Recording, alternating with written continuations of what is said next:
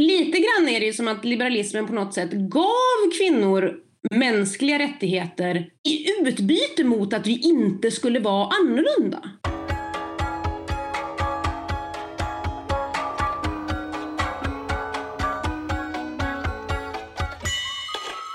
Hej och välkomna till Smedjan-podden. Jag heter Maria Eriksson och idag så ska vi prata om feminism och om patriarkatet. Och anledningen till att jag tar upp det här ämnet idag är därför att Timbro precis har släppt en bok som heter Feminism, en antologi.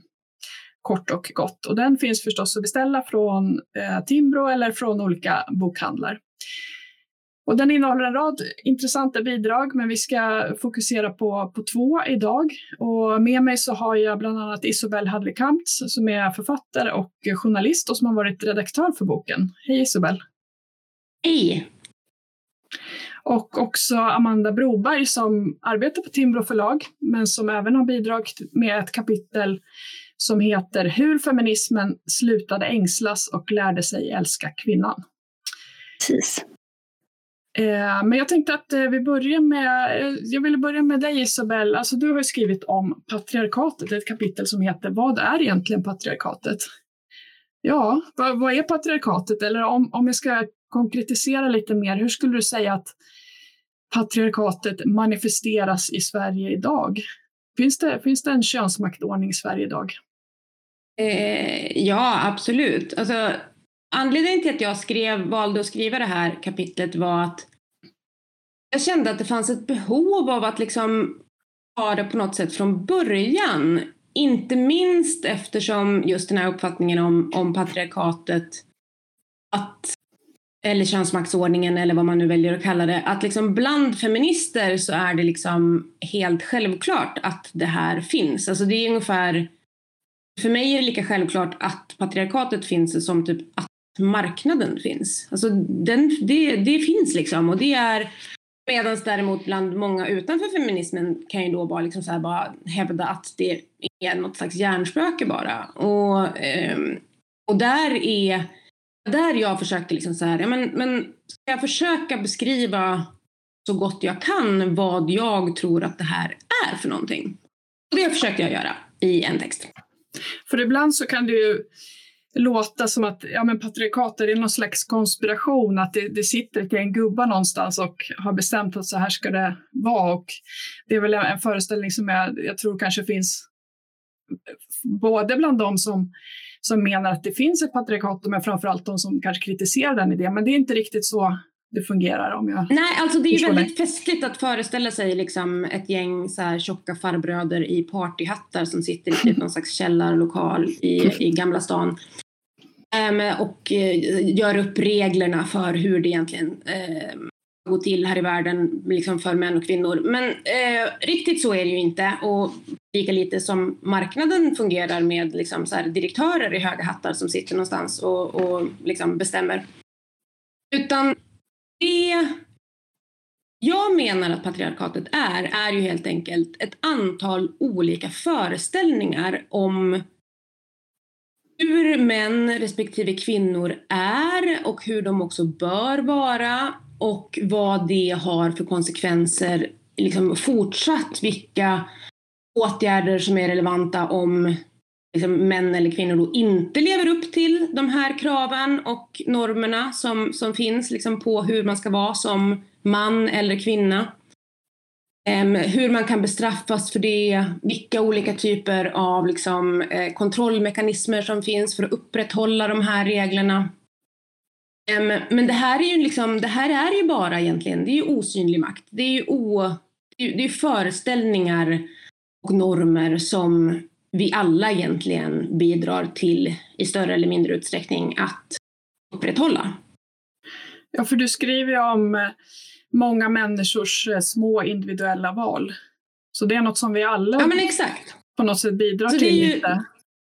Ja, alltså jag är ju Ehm, Ehm, jag är ju ganska förtjust i liksom generellt om man ser den österrikiska skolan ekonomiskt och, och där är det ju, det är inte Hayek som har sagt det men jag kommer inte ihåg just nu vem av dem som, var, som sa, som beskrev då äm, marknaden som by human action but not by human design. Äh, och är, för mig, det är precis så som patriarkatet också fungerar. Det är by human action, men det är inte by human design. Det är ingen som har bestämt att det ska vara exakt så här. En massor med olika små beslut och massor med liksom, föreställningar samverkar till att det blir på ett visst sätt. Men när du, när du nämner makt, vem är det som har makt över vem? Ehm, alltså i ett övergripande perspektiv så är ju ehm, så har män mer makt än kvinnor i ett patriarkat. Ehm, det betyder ju förstås inte att varje enskild man har liksom, makt över varje enskild kvinna. det betyder inte heller att det här är sant i alla sammanhang och alla kontexter. Eh, det finns ju till exempel arenor som inom familjen eller gentemot barn där kvinnor ofta har mer makt än män. Eh, men på ett övergripande sätt så finns det en sån, en sån skillnad i makt och det finns en uppfattning kring vilka som är mer liksom lämpade att ha makt. Att, ehm, jag har precis suttit och, och, gått igenom lite undersökningar kring, eh, kring just så synen på kvinnliga politiker och där finns det en väldigt tydlig sån, liksom, ofta undermedveten uppfattning om att kvinnliga politiker inte riktigt ha, är, har lika stor trovärdighet, inte riktigt har eh, eh, ja, bottnar i sina frågor eh, och så vidare. Och det där är ju ingenting som kanske beror på att folk liksom uppriktigt och så att säga, intellektuellt tycker att kvinnor inte bör vara politiker. Utan det är en liksom föreställning vi har om män och kvinnor som förs vidare till att eftersom vi har föreställningen eller uppfattningen att män, att män liksom så här bör helst leda samhällen eh, så tenderar det liksom så här gå vidare till att man då, de enskilda kvinnor som, som eh, utmanar den normen då möts av mer kritik, möts av mer eh, alltså specifikt man säger så här, könad kritik, alltså kritik som riktar in sig på att de är kvinnor. Eh, och just det räcker det ju tyvärr med att typ kolla på så här Annie Lööfs sociala medier-flöden så ser man rätt tydligt många svenskar verkar uttrycka sånt i alla fall.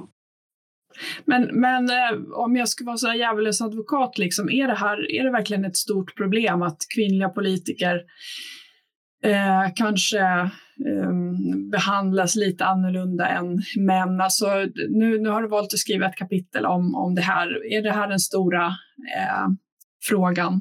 Eh, Ehm, eller varför, varför valde du just det här ämnet? Så här, skulle du säga att man har underskattat eh, vikten eller rollen av patriarkatet inom liberalismen eller, eller borgerligheten kanske?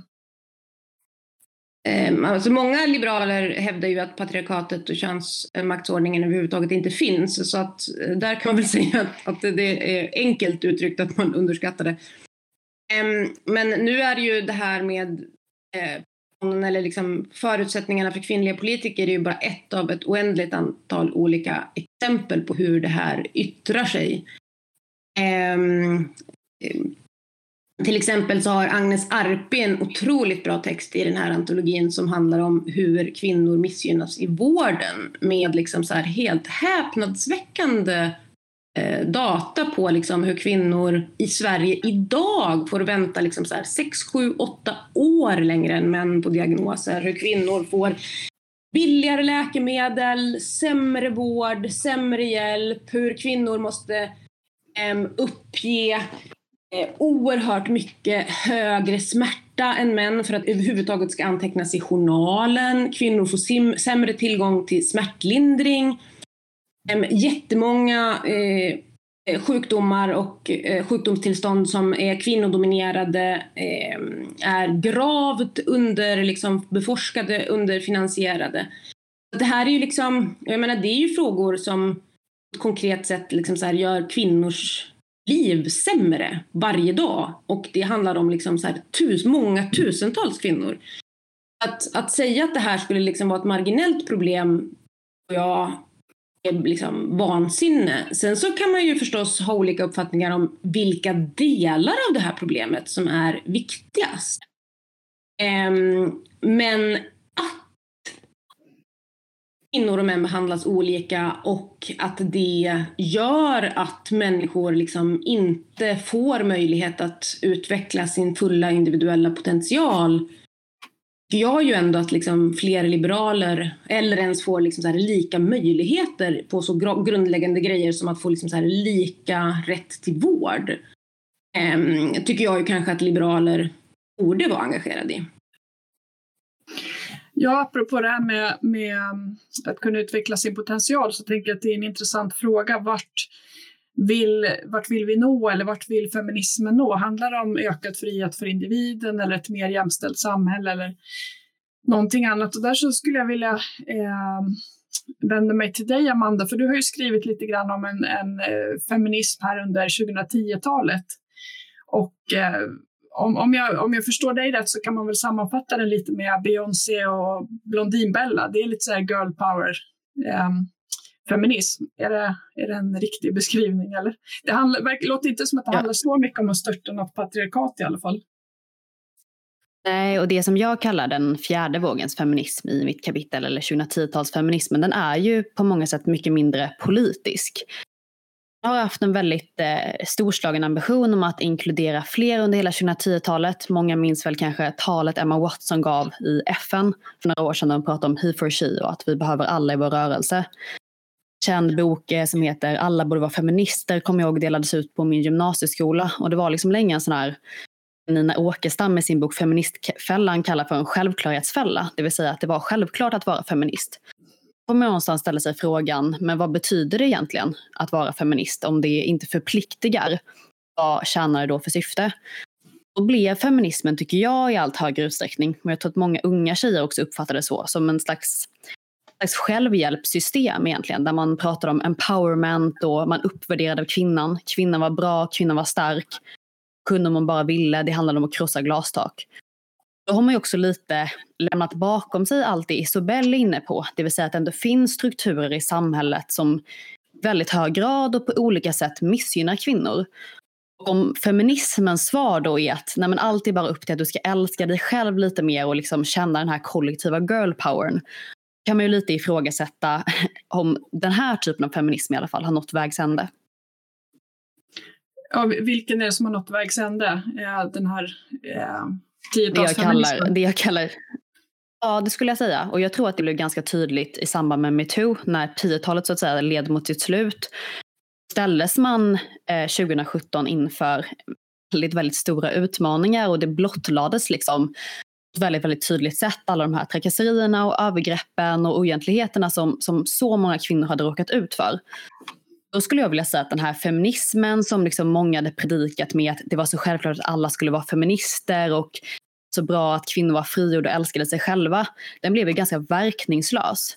Det var inte så att Eh, det inte fanns en enda av de här liksom utpekade förövarna som inte hade kallat sig feminist till exempel. Utan det hade istället blivit en, ett ganska enkelt sätt, ett slags avlatsbrev där man kunde egentligen friköpa sig från att agera feministiskt. Det så länge hade varit så självklart att så länge du kallade dig feminist så var du ungefär god och, och skrev under på allting. Men det återkrävdes inget i handling av dig egentligen. Okej, så, så liksom feminismen, eller i alla fall begreppet, har på något sätt urholkats och, och blivit meningslöst. Och vad kommer istället då? Efter den här, efter metoo låt oss säga.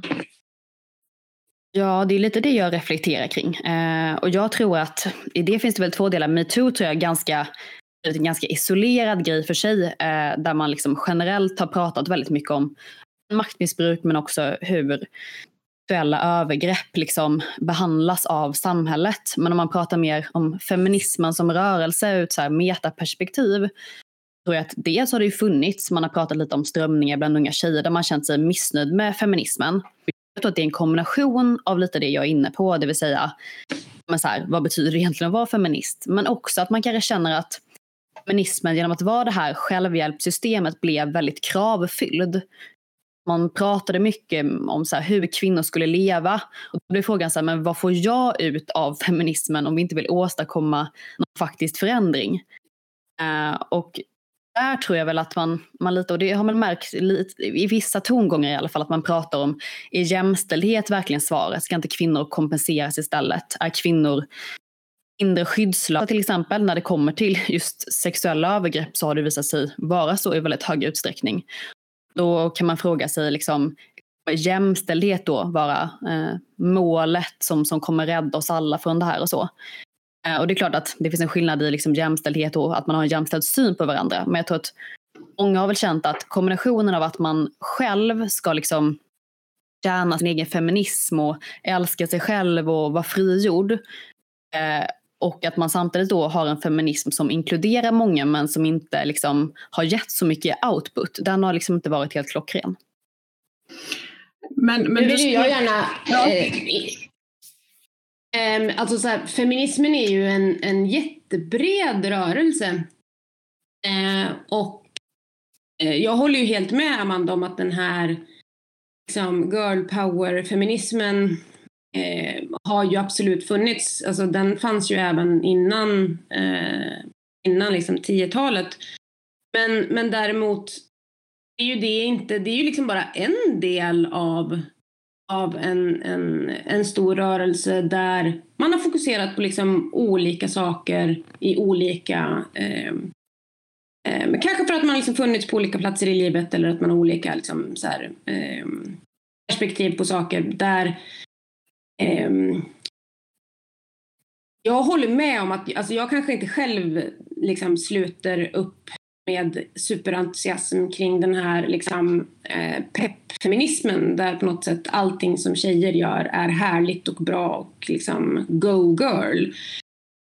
Um, inte minst när, man liksom, när jag sitter där och tragglar med typ statistik kring um, sexuella övergrepp eller, eller um, ja, konkreta liksom, missgynnanden där kvinnor, liksom så här, kvinnor i typ uh, kommunalsektorn och deras eh, villkor i arbetslivet.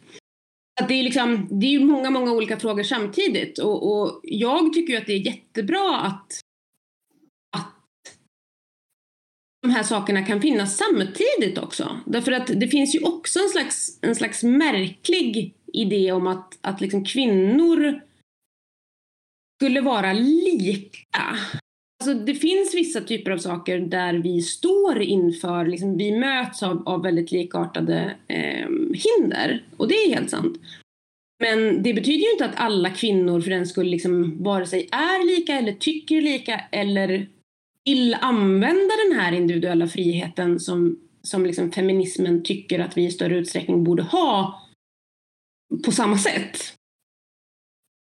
Men för mig så låter det lite som att oavsett om man pratar om någon slags eh, sån här girl power-feminism eller om man pratar om, någon, du skriver Amanda en del om någon slags konservativ, eh, kanske motrörelse eller en eh, liksom kompensatorisk eh, feminism eller, eller rörelse där kvinnor ska liksom kompenseras för på olika sätt. Och, eh, för mig låter det som mer någon form av särartsfeminism i båda fallen där man ändå vill upprätthålla någon form av könsroller oavsett om det då är att kvinnor är, är, är jättekola och häftiga eller om det är att kvinnor ska vara mer omvårdande eller sådär. Så det låter som att man går ifrån den här idén om att könsrollerna kanske ska spela mindre roll. Är det ändå en, en trend som finns idag? Ja. Ja, men det håller jag med om. Jag tycker att man ser, utan att jag liksom själv för den saken skulle tycka att det är en bra sak, så tycker jag att man ser en feministisk renässans lite, fast den är annorlunda än liksom det som 90-talsfeministerna kritiserade när de gick på andra vågsfeministerna med de livmodersfeminister och så. Att det var liksom lite en annan sak, för då handlade det väl mer om att man ville utmana könsroller och prata mer om kön var en social konstruktion i liksom, den allra högsta utsträckning. Jag tycker mer man, man pratar om, när man till exempel pratar om så att kvinnor är starka varelser, eh, den här liksom lovsången till kvinnors styrka, girl power, alltså det är också en typ av liksom inverterad särartsfeminism också generellt att man i liksom narrativet om könen i samhället i mycket högre utsträckning pratar om att men män som blir dubbelt ratade, män är förlorare i samhället medan kvinnor tar över universitetet och kvinnor tar över storstäderna till exempel. Det är väl sant i någon form av liksom mening om man, om man kollar på delar av utvecklingen. Men det är just det här generaliserandet och där tror jag Isobel är inne på något viktigt med så här vad, alla vi är ju individer och det var väl det det skulle handla om någonstans. Det är väl det som är målet. Målet är väl inte att kön ska bli mer betydelsefullt än vad det redan är. Det spelar egentligen ingen roll om det är då positivt eller negativt laddat tycker jag. För att det är ju just den typen av liksom gissel det är att hela tiden fastna i då, någon form av kollektivistisk föreställning för att du är just man eller kvinna. Eh, men där tycker jag att man ser en del strömningar bland unga feminister idag där man pratar om rollen som kanske är mer determinerad också. Det här med att ja, men kvinnor är mer skyddslösa eller kvinnor kommer föda barn, kvinnor, kvinnor kommer ta mer emotionellt ansvar eller mer eh, eh ansvar i hemmet till exempel. Och hur kan man då politiskt jämna ut det här? Nej, men det är väl ganska svårt. Och där kan man ju ställa sig någon form av så här, lite halvfilosofisk fråga kring okej, okay, men hur ska vi göra det här? För det är inte en föräldraförsäkring som kommer hjälpa någon att ta mindre emotionellt ansvar. Jämställdhetssvaret, kommer det funka? Och där tycker jag mig se vissa antydningar till att man pratar om en sån mer kompensatorisk modell. Så man kunna värdera upp det kvinnor gör istället. Och det är ju särart feminism i liksom sitt esse. Jo, men det verkar som att jag tror att vi är ganska överens om det här att det ska vara människors just individuella val, eller att människor ska ha rätt att fatta eh, egna beslut och göra de här individuella valen. Men om det samtidigt är de som bidrar till patriarkatet, blir det inte, det inte här det blir lite knepigt för en liberal? För att om, om nu den här könsmaktordningen är resultatet av väldigt många små individuella val, Ja, om, då, om vi, om vi liksom vill att det här, den här könsmaktordningen ska minska, då måste ju alla, eller i alla fall tillräckligt många, göra rätt individuella val. Alltså, förstår du vad jag menar Isabel? Att jag tänker så här, om det var en sån här konspiration som gick att störta, liksom, det vore lite enklare på ett sätt, men nu så är ju på något sätt min eh, frihet eller min möjlighet att utveckla min potential begränsad av mm. patriarkatet som är ett resultat av till exempel dina individuella val. Så att om du då klär dina söner i ljusblått och döttrar i ljusrosa, då är det kanske en liten pusselbit som bidrar till att minska min frihet. Hur ska ja, man förhålla så sig är till det? Och då, alltså, du har helt rätt att liksom, det hade varit enklare att mycket, mycket enklare att störta patriarkatet om det hade varit liksom, ett gäng män i en källare. Än hur det är, att det är någonting som vi alla är upp varje dag och att vi alla har eh, sexistiska och misogyna liksom, böjelser där vi eh, allt ifrån liksom eh, folk som säger sådär, men tänk att hon orkar ha ett sånt jobb fast hon har små barn.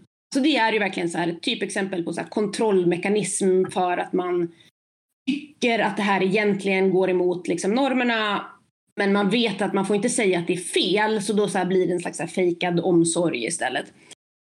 Um, då, det finns ju ingen enkel utväg men samtidigt så är det ju också så att normer ändras emellanåt. Och kan ändras ganska snabbt och om vi tittar på Sverige så har normerna faktiskt ändrats jättemycket även på det här området om man jämför med många andra länder i världen. Jag menar, se bara på liksom så här, svenska pappors liksom, inställning till sina barn och deras, alltså, eh, hur pass mycket de tar hand om sina barn. Alltså, det är helt unikt i världen och i världshistorien. Um, så att liksom, så här, det här går ju att ändra. Men är inte det i ganska stor utsträckning ett resultat av politiska beslut som har kommit uppifrån? Det är inte för att folk själva har gjort små val, utan det är för att man har utformat föräldraförsäkringen på ett visst sätt eller eh, vad det nu kan vara. Fast föräldraförsäkringen i det stora hela är ju, främjar ju att kvinnor är hemma. Liksom. Det, det, ja, det är men mindre än i andra länder. Man har ju försökt att göra man har ju försökt att göra vissa små justeringar, eh, absolut. Och det är klart att vissa typer av saker är ehm, eh, politiska val. Jag skulle kanske inte nödvändigtvis säga en sån sak som, som föräldraförsäkringen alltså typ pappamånader eller sånt, men däremot absolut en sån sak som att vi i Sverige har dagis. Eh, för det gör ju det möjligt för kvinnor att arbeta på ett helt annat sätt än vad man gör i, ehm, eh, än vad man kan i samhällen där det inte finns någon form av liksom, subventionerad eh, barnomsorg.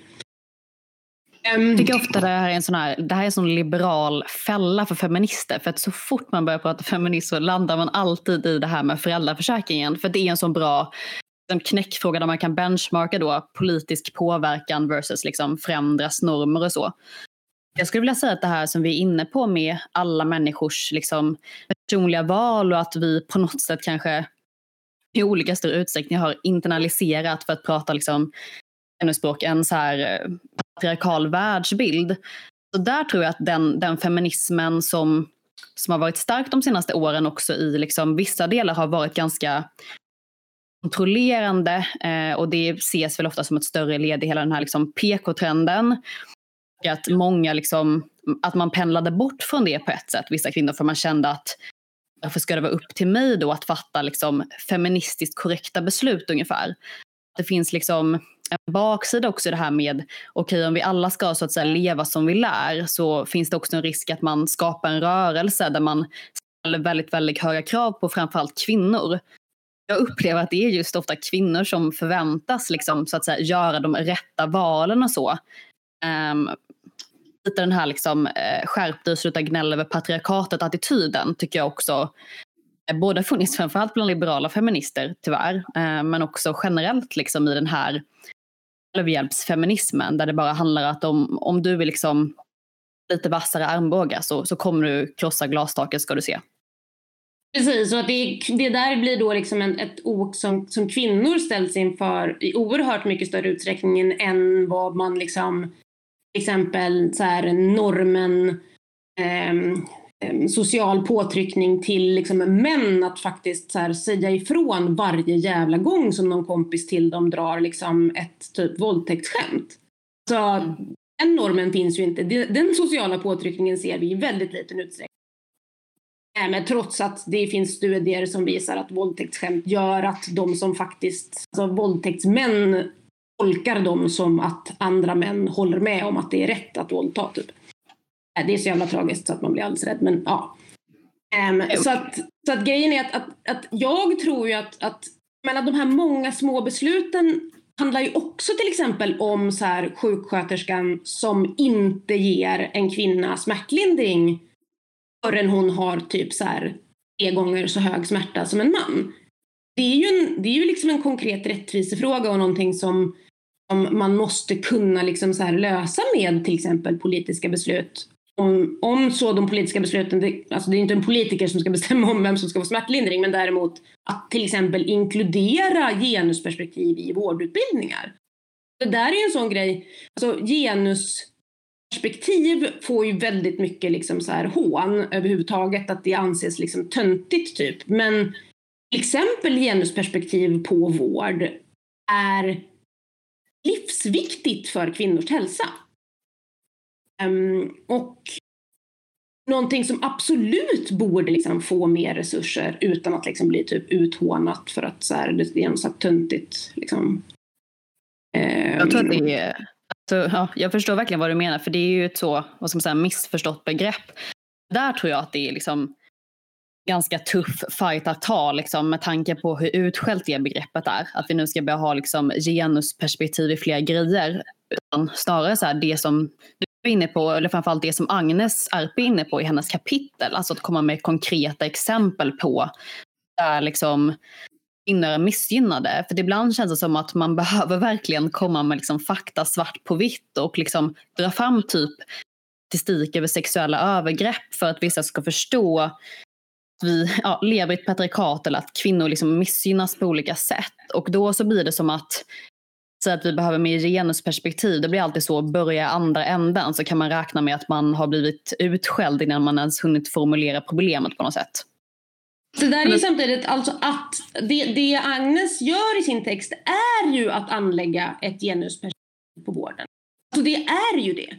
Att ta fram de här faktauppgifterna om skillnader är att anlägga ett genusperspektiv. Det är liksom det det, det handlar om idealt och det är där eh, på samma sätt som typ genusperspektiv på skolan. I skolan kan handla om att man faktiskt eh, undersöker i vilken utsträckning liksom som pojkar och flickor får frågan när man räcker upp handen eller hur mycket liksom vem som, vem som blir rättad mest eller vem som ja, massor med grejer. Och där för övrigt jag inte tror nödvändigtvis att det alltid är flickor som liksom kommer sämst ut i svensk skola. Men, men där, eh, alltså det, det handlar ju om att det, det begreppet har liksom kommit att användas som liksom någon slags så här allmänt typ skällsord snarare än för vad det egentligen oftast är. Men det, för jag menar, det, det ni pratar om nu, det handlar ju, och det, det håller jag med liksom att det, det är ju ganska mycket om att synliggöra saker. Eh, bara, liksom, där, tanken låter ju ändå på något sätt som att om jag blir varse att de här strukturerna finns så kan jag själv bidra till att göra någonting åt dem. Men det är liksom det här varseblivandet som är det viktiga, kanske snarare än för ofta så kopplas ju det här sen till politiska åtgärder också. Men det kanske inte är nödvändigt så länge jag är medveten om hur, den här, hur de här strukturerna ser ut. Eh, jag tror också, alltså senaste åren, lite det jag var inne på tidigare med den här särartsfeministiska renässansen, att det har blivit som på ett sätt svårare att prata om kvinnor som de som alltid drar nitlotten för att vi lever i ett mer, eller i Sverige då lever vi i ett mer jämställt land. Då tycker jag att det ibland blir så väldigt, väldigt mycket fokus på den här liksom jobbiga mansrollen och eh, alltså det som Isobel är inne på, det stämmer ju helt och hållet att liksom killar eh, i många fall kanske inte vinnarna när det kommer till liksom hur, vi, hur vi bedriver utbildning. Det är tjejer istället som tar över universiteten. Pratar om de här liksom män som förlorarna. Ah, Jordan B. Peterson som har liksom predikat sig då höll jag på att säga om liksom den här eh, komplicerade mansrollen och att män måste rycka upp sig och så. Ibland tycker jag att de exemplen som finns, men som inte i, i lika hög grad är en struktur, får liksom för om man säger så, det finns en struktur som missgynnar kvinnor i samhällen, så får man tillbaka så, ja men kolla på män här, här, här och på pojkar i skolan. Då blir man missgynnade. Det är väl lite en del av den liksom världsfeministiska renässansen i kombination med ett mer jämställt samhälle som gjort att det inte lika, blir lika entydigt längre. Det är svårt ibland tycker jag att göra det vi snackar om här, nämligen blottlägga liksom, ja, men, till syvende och sist så är det i de allra flesta fall faktiskt kvinnor som drar nitlotten eh, och som missgynnas på olika sätt. Oavsett om det är liksom materiellt på arbetsmarknaden eller om det är i hemmet eller om det kommer till liksom sexuella övergrepp eller våld i nära relationer. Så en grej som är, är, faktiskt jätteintressant just vad gäller, det gäller inte skolfrågan, men det här med när man pratar om så här män som förlorare generellt, sig på arbetsmarknaden och sådär. Um, vad det handlar om är ju realiteten att män, eller åtminstone vissa män, har förlorat en del av de fördelar som de alltid hade tidigare. Mm, och att spelplanen har blivit lite mer, ut, lite mer jämn. Men problemet är ju att på en individuell nivå så upplever man ju det ändå som att man liksom har fått det sämre. Ehm, för att liksom, om man hade en fördel och ens pappa hade en fördel och man har liksom blivit uppfostrad med tanken på att jag kommer att ha den här fördelen och så försvinner den. Man får inte längre börja loppet liksom 10 meter framför de andra. Då kommer man ju uppleva det som liksom att man har blivit så här nedtryckt i skorna. Um, och det tror jag är en jätte, jätteviktig del av liksom många av de samhällsfenomen, oroväckande samhällsfenomen som vi ser just nu, att det faktiskt är någonting som har hänt många män. Um, det är där man också tror jag man kan, man liksom kan, kan se det här oerhörda hatet mot feminismen som finns i vissa kretsar och så. Att man, liksom, man upplever att man har förlorat fördelar vilket tolkas som att liksom det, man, man har, har fått en nackdel. Jag tänkte Där kommer man ju verkligen tillbaka till det här med kompensatoriska. Ska männen då kompenseras för sina förlorade nackdelar? Vilket de nog inte mm. borde, men man kan ju... Vissa hade nog kanske ändå landat i det. Liksom. Mm. Men jag tänkte apropå det här kvinnohatet som du nämner Isabel, du, du skriver i inledningen av boken tror jag om incelkulturen som ju, jag tycker är både fascinerande och skrämmande och ehm, eh, det är, det är män som liksom, ja, män som inte får ligga kan man väl sammanfatta och som gör det till någon slags politisk eh, eh, politisk grej eller något sånt där då, att de är förfördelade i det här samhället och missgynnade. Ehm, och, då, och sen så tänkte jag, för jag satt och bläddrade i den här genusdoktrinen som ju också kommer ut här i dagarna av Ivar Arpi och Anna-Karin Wyndhan. Och där så skriver de en del om det här med, med eh, olika maktordningar, hierarkier och sånt där. och hur det finns en genusanalys där, där liksom vita män är i toppen, och, eh, men även vackra och smala personer och så vidare. Och Då tänker jag, men är det inte precis så här som incels ser världen? Just att det är snygga killar som får ligga, de är i toppen av pyramiden och, och sen har vi kvinnor och sen så kommer olika grupper och längst ner är de själva då på något sätt och så måste de här som är mer privilegierade motarbetas. Alltså på något sätt så känns det som att de kanske har fattat någonting här. De kanske har insett att det finns sådana här maktordningar, bara det att de sen eh, tolkar det på ett, på ett märkligt sätt och, och, och att det finns en liksom kritik där mot genusvetenskap och feminism och så vidare. Alltså incels skulle jag säga är ett väldigt tydligt exempel på en grupp som just gör det här felslutet som jag gjorde nyss. Alltså att man man har förlorat en förmån eller en fördel som man hade tidigare. Alltså att man har en um, det finns en amerikansk forskare som jag just nu har glömt namnet på som kallar det för kränkt egenberättigande. Alltså att man eller um, att man upplever sig ha rätt till vissa saker och sen så får man inte de sakerna. Alltså man upplever sig ha rätt till till exempel kvinnors uppmärksamhet och omsorg och kärlek och sex och, och allt det här. Så får man inte det. Um, då hamnar, alltså så här, I det yttersta fallet hamnar man då i någon slags så här Elliot Rodgers-grej. Liksom. Om ni inte vill ligga med mig så tänker jag minsann mörda er allihop. Um, eller så kanske man liksom bara stannar och, och så här, eh, hatar kvinnor på internet. Men, men att det var helt rätt skulle jag säga i det här med liksom deras syn på hierarkier. Men det är ju inte så att de här männen är liksom längst ner i en hierarki. De är bara lite längre ner än vad de var tidigare. Och framför allt att de liksom har förlorat vad de själva upplever vara en rätt rättighet att liksom få grejer av kvinnor. Och det kan de inte acceptera.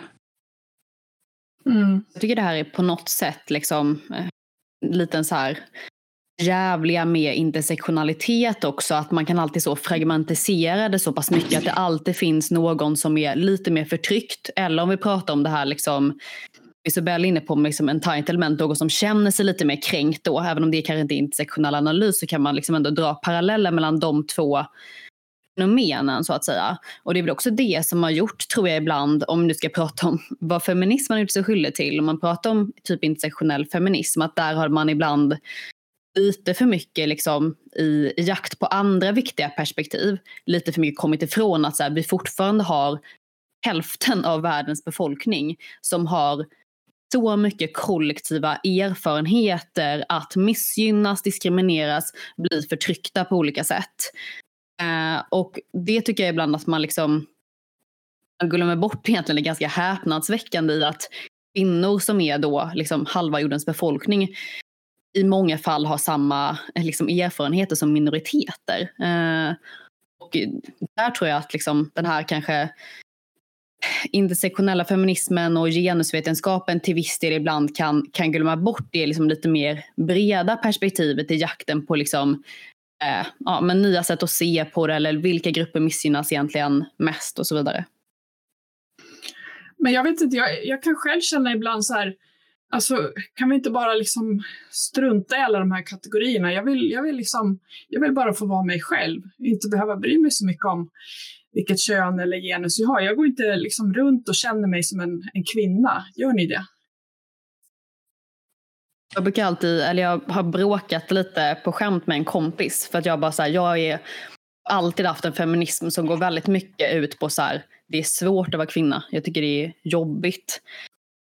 Eh, och hon är så här, nej men det är väl inte så illa, det är väl ganska nice att vara kvinna typ. Eh, och där tror jag att man kan väl ha ganska, det beror väl lite på så här, är nog högst personligt och individuellt hur bunden man känner sig till liksom kön och vilka erfarenheter man har fått utstå liksom, på grund av det. Med det sagt inte att jag är diskriminerad, men jag tror bara man kan ha väldigt, väldigt olika, olika syn på eh, så att säga, utgångspunkten. Man kan fortfarande landa i så här, eh, jag är feminist och vi borde såklart inte ha det så här, men man i olika utsträckning liksom kanske en syn på hur, hur svårt det är att vara en del av en viss grupp eller ha ett visst kön och så. Ja, jag måste ändå säga att jag är ganska eh jag tycker ju att de inter, intersektionella perspektiven är jätteviktiga. Alltså att eh, det finns en, en, men det är inte sagt att det inte finns liksom så gemensamma frågor för, som liksom drabbar eh, alla kvinnor, eller i stort sett alla kvinnor. Men samtidigt så är det ju så att liksom olika, vad man då kan kalla så här, eh, hierarkiordningar eller olika förtrycksmekanismer samvarierar ju, vilket då gör att, att liksom jag som så här vit, högutbildad, liksom medelklass, kulturskribent, you name it, kulturelit, etablissemang, kommer ju ha... Jag, jag, liksom så här, jag har massor med nackdelar all del fortfarande som ligger i att vara kvinna, men jag har ju samtidigt oändligt massa fördelar som liksom man inte har om man är typ så här um, kille i förort liksom, med föräldrarna från liksom, Algeriet. Och där är ju så, så här, det blir liksom jag tror att det är väl fortfarande viktigt att se att liksom många av de här andra sakerna och inte minst då att, att liksom tjejer i förort med föräldrarna i Algeriet har en helt annan typ av liksom, könsbaserat förtryck än vad jag någonsin har råkat ut för. Um, så att um, jag, jag, tror att de här liksom intersektionella perspektiven är jätteviktiga för att liksom se vad vi har att göra med. Sen så kan, ja, det betyder ju inte att det inte finns liksom så här det gemensamma också. Um, och framförallt så betyder det ju att ibland så blir det ju, um, det kan ju bli akademiskt liksom. Men jag tror att den här intersektionella analysen kan vara bra. Och jag tror att så här, eller jag hoppas att många har typ en sån världsbild. För det är ganska självklart liksom att så alla de saker, eller de exempel du, du nu räknar upp, att jag tror att många, man har det med sig någonstans liksom som människa. Det som jag kan störa mig på med, med den intersektionella feminismen är att det så ofta blir liksom kvinnor som det här så enorma kollektivet. Alla världens kvinnor som liksom ska stå tillbaka på något sätt. Uh, och det är ju någonting som, nu ska vi kanske inte nysta för mycket i det, men så här, den här debatten som varit till exempel om transpersoner och så, blivit ganska uppmärksammad med liksom, man ska ta lite jävla exempel, men så här, en, en, en man som byter kön och blir kvinna som sedan liksom blir flyttad till ett kvinnofängelse och så visar det sig att när den här kvinnan var man så hade han hen eller hon mördat sin flickvän. Att så här, det är ju såklart ett jävligt exempel men det illustrerar väl ändå ganska mycket med så här, vem, vems rätt och vems, vem är det man ska skydda här, vem är skyddsvärd? Där tycker jag ofta att det, det blir liksom en, en utveckling där det är så här, vi kan vänta lite till med liksom det här mer, den här mer generella gruppen kvinnor för de är ändå så många och då kan vi istället liksom fragmentisera ner det här och istället ha liksom, så att säga, mindre minoriteter liksom, eh, hela tiden. Men det där jag liksom på något sätt ändå tänker att vill man inte komma till ett läge där människor är eh, individer bortom kön och genus eller är det en, en utopi? Så jag, jag, tror på, jag tror på det, men det betyder inte att jag så vet att det är möjligt. Eller jag kan ju så här, ibland känna allt mer och det tycker jag är en jättesvår paradox. Jag skriver lite om det i, i mitt kapitel med det här liksom man i högre utsträckning idag pratar om så här, det var ju det här uppmärksammade fallet när Amanda Schulman och Hanna Widell så gick ut och liksom säkert välmenande pratade om att de skulle börja logga då sina anställdas menscyklar. Och det var liksom i tror jag med de godas intentioner att man ville förstå det och så. Att så här, men det här är ju såklart dåligt för att det liksom befäster en bild av att kvinnor skulle vara så kättrade för sin biologi. Samtidigt, och det tycker jag ändå tas upp väldigt, väldigt bra i Agnes kapitel som varit inne mycket på, att så här, men kvinnor är ju någonstans också mer påverkade av sin biologi med att det är de som så här, bär och föder barn med liksom, kvinnosjukdomar. Sen är det såklart en kombination av så här, kanske man inte har lika bra bemötande från vården eller från forskningen eller från medicinen när det kommer till kvinnosjukdomar eller så här, man får sämre hjälp med förlossningsskador och allt vad det kan vara. Men att generellt att biologin påverkar kvinnor mer.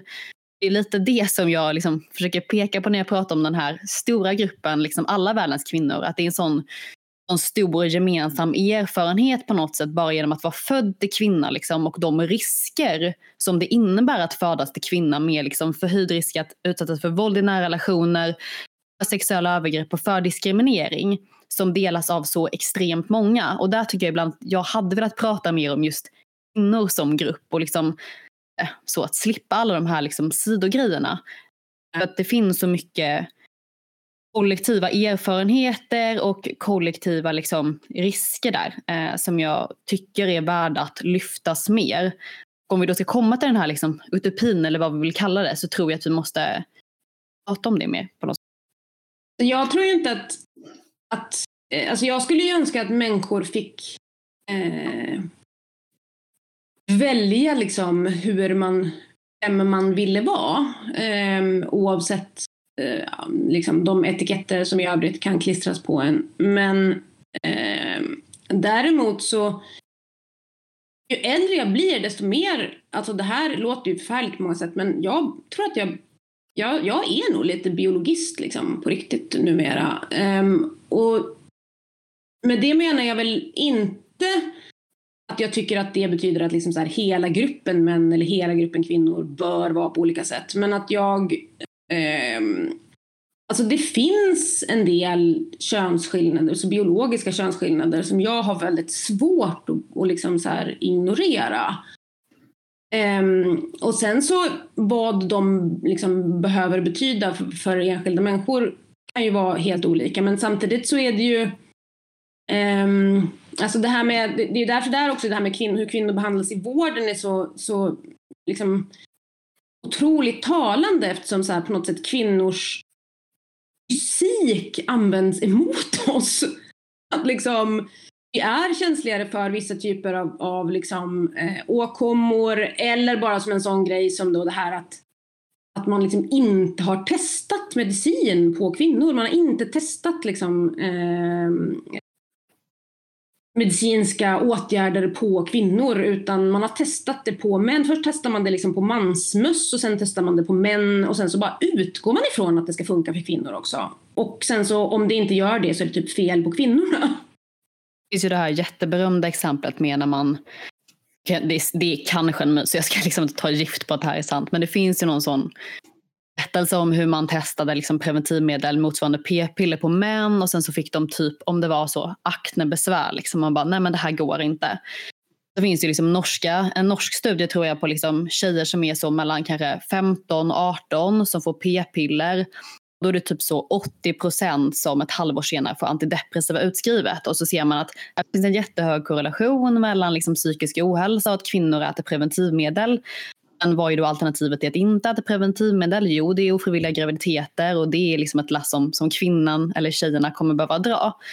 Där mm. kan jag ju verkligen känna att så här, biologin i högre utsträckning både blir kvinnans egna ansvar, det blir också en mycket mer gemensam erfarenhet för kvinnor, biologin, än vad det är för män. Det är också mycket mm. svårare att komma ifrån sin biologi som kvinna. Där kanske man så här, kan vara lite, inte särskilt feminist, men liksom biologist på något sätt. Um, och, och det tycker jag att så här, feminister ska inte vara rädda för att prata om det. Även om man då inte ska liksom landa i det här träsket, vi ska, vi ska logga kvinnors mens för de är inte rationella när de har PMS. Liksom. Alltså det måste alltså, finnas en väg däremellan. Så här att, alltså så här, fatta liksom integritetslösheten gentemot de anställda. Alltså om, om en chef till mig, nu har jag visserligen, jag är ju som Maria och klarar ju inte av att ha chefer i stort sett så att jag har ju varit egenföretagare i liksom 25 år men om jag jobbade någonstans och en chef liksom försökte göra det, jag skulle ju typ gå därifrån på dagen. Ja, det var väl något frivilligt, men det är i alla fall, jag håller med dig.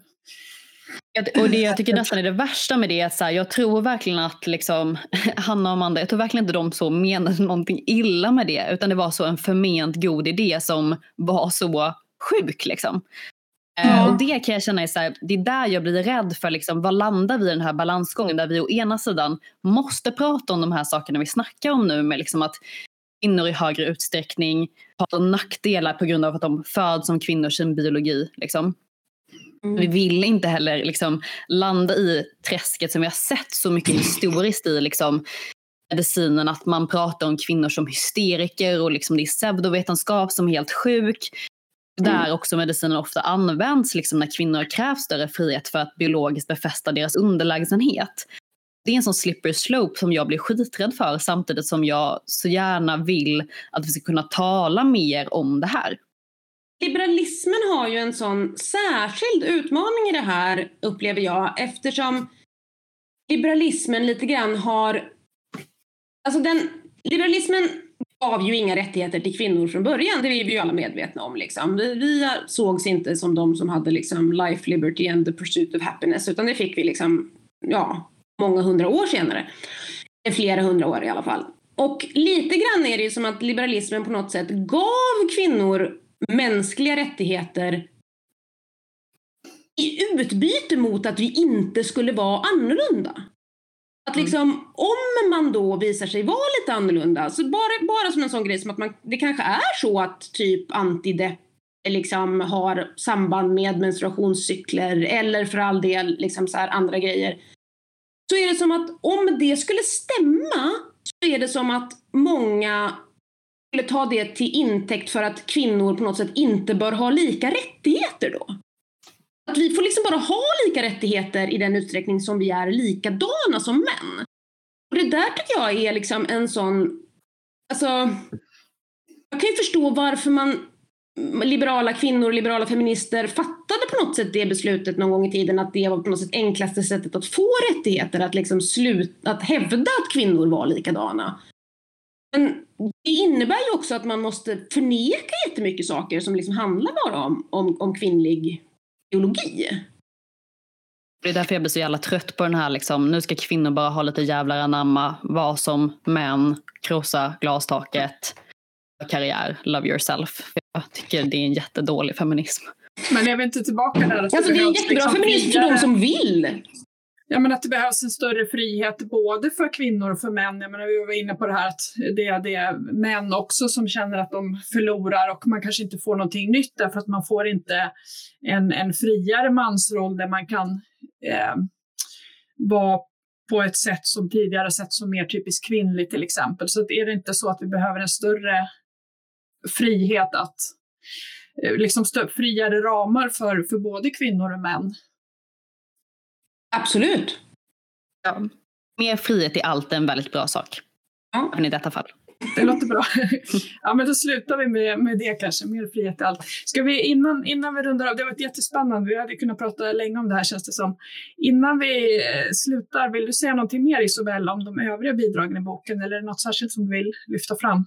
Alltså jag är så himla glad över att ha fått vara redaktör för den här boken. För det är så fantastiska texter av liksom, det, vi pratar liksom om några av Sveriges absolut bästa skribenter. Utöver Agnes som vi har nämnt så har Linda Skugge skrivit en text om att vara den som betalar. Lena Andersson har skrivit en text om Camille Paglia.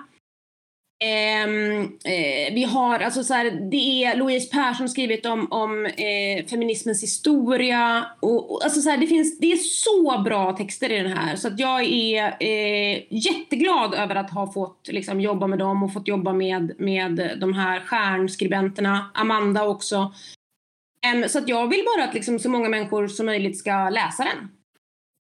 Ja, det här, vill såklart, det här vill vi såklart läsa mer om. Så att, eh, köp Feminism, en antologi som går att beställa från Timbro förlag och nätbokhandlare. Stort tack till er, Amanda och Isobel, för att ni var med i Smedjan-podden idag.